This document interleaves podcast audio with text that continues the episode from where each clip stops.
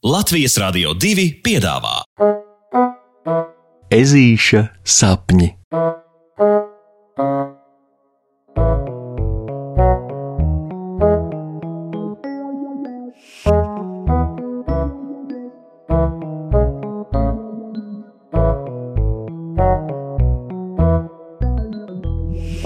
Ezītis domā lielas domas. Kas īsti ir lielas domas, un kur beidzās mazās domas, un vai tiešām tās ir tik savstarpēji atšķirīgas? Ha. Šovakar Puksītis domā par domām.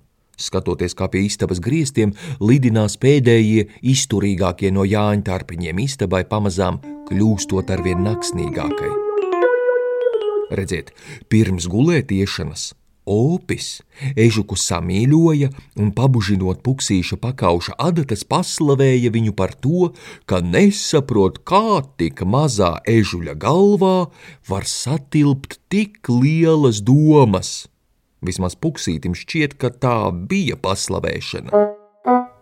Un nu viņam nekas cits neatliek, kā prātot par dažādu domu, dažādiem izmēriem un iemesliem, kāpēc opis pateica, ko teica, meklējot atbildes notikumos, kas risinājās pa dienu. Kā jau parasts, kad notiek dzīvošanās pie vecvecākiem, Ežulis rītus pavada apstaigājot tuvējo apkārtni kopā ar opapu, kurš pēc profesijas ir meža zinis. Šādi rīti, kad ezīša punci kutina, rāsas pilnās sūnas un zeme pamazām iesilst vasaras svēlmē, puksītim ļoti stipri patīk. Viņam patīk, ka abi ar opi pirms iešanas ārā parasti paķer līdzi arī kādu zefīriņu vai kādu sviesta pupiņu desiņu un brokasto kājas izkustinādami.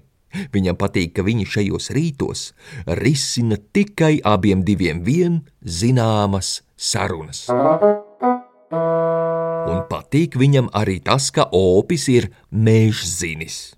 Viņa opis zina mežus, jeb precīzāk, savu mežu, un tas skan bezgalīgi varani. Viņa opis ir tāds kā meža dārznieks, kas to pieskata. Viņš palīdz sakopt sakritušos kokus, apstaigā zvēru ēdnīcas, palīdz atrisināt visādas meža nebūšanas un vienkārši draudzējas ar savu mežu un visu, kas tajā dzīvo.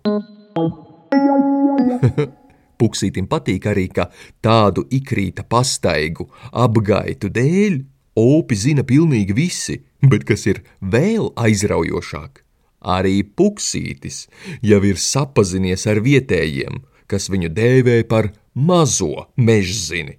Un pie katras sasveicināšanās ar kādu negaidītu garām gājēju, kurš atpazīst puksīti kā mazo mežzini, ežulim priekā un lepnumā, tā vien gribas pastiepties garākam un adatas izsliet pret sauli. Un visvairāk laikam puksītim patīk, ka šādas pastaigas un satikšanās ar citiem palīdz ežulim visu ko aizraujošu saštukot. Zini, opi, es tā domāju, ka daba ir mazliet nenovērtēta. Šī rīta domu iesāk ežulis. Uh, kā tu domā, nenovērtēta? Viņā ieklausās opaps. Nu, Nu, es domāju, ka daudzi dabu uzskata par pašsaprotamu. Nu, ar tādu domu, daba bija, daba ir, daba būs bezgalīgi. Bet neviens jau diži nepadomā, ka kāds par to dabu arī rūpējas. Nu, kā tu, piemēram. Un tā kā mēs arī esam daļa dabas, nu, tu un es, un visi ir daļa dabas, tad iznāk, ka rūpējoties par dabu, tu ne tikai rūpējies par sevi pašu, bet citiem to nezinot, rūpējies par mums visiem. Ežulis spriež un, un tieši šajā brīdī opim ieplešas acis, un no viņa mutes atskan uzslava, par kuru puksītim jādomā līdz vēlai naktī. Uzslava par lielajām domām.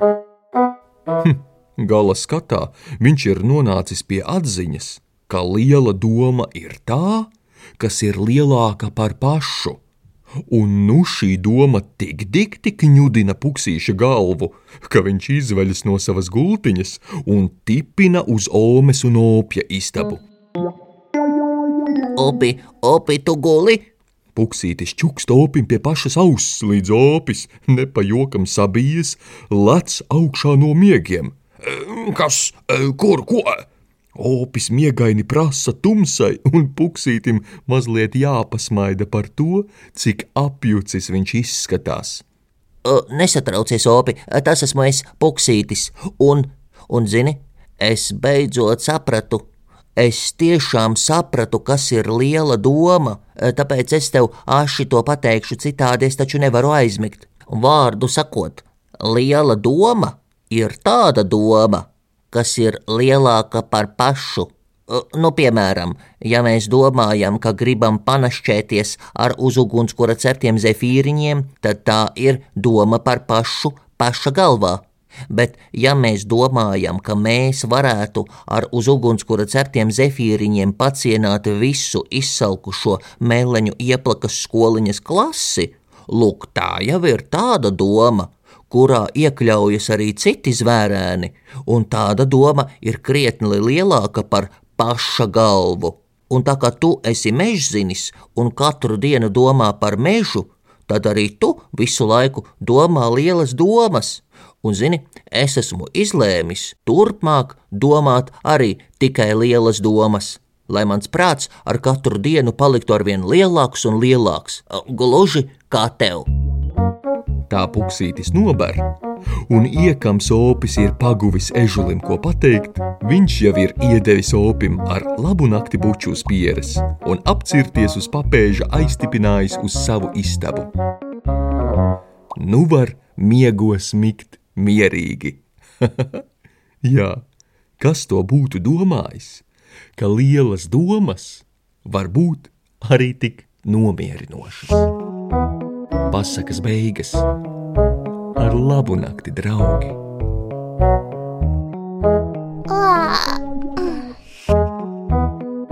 Saldus tev sapnīšus! Tiksimies rītdien!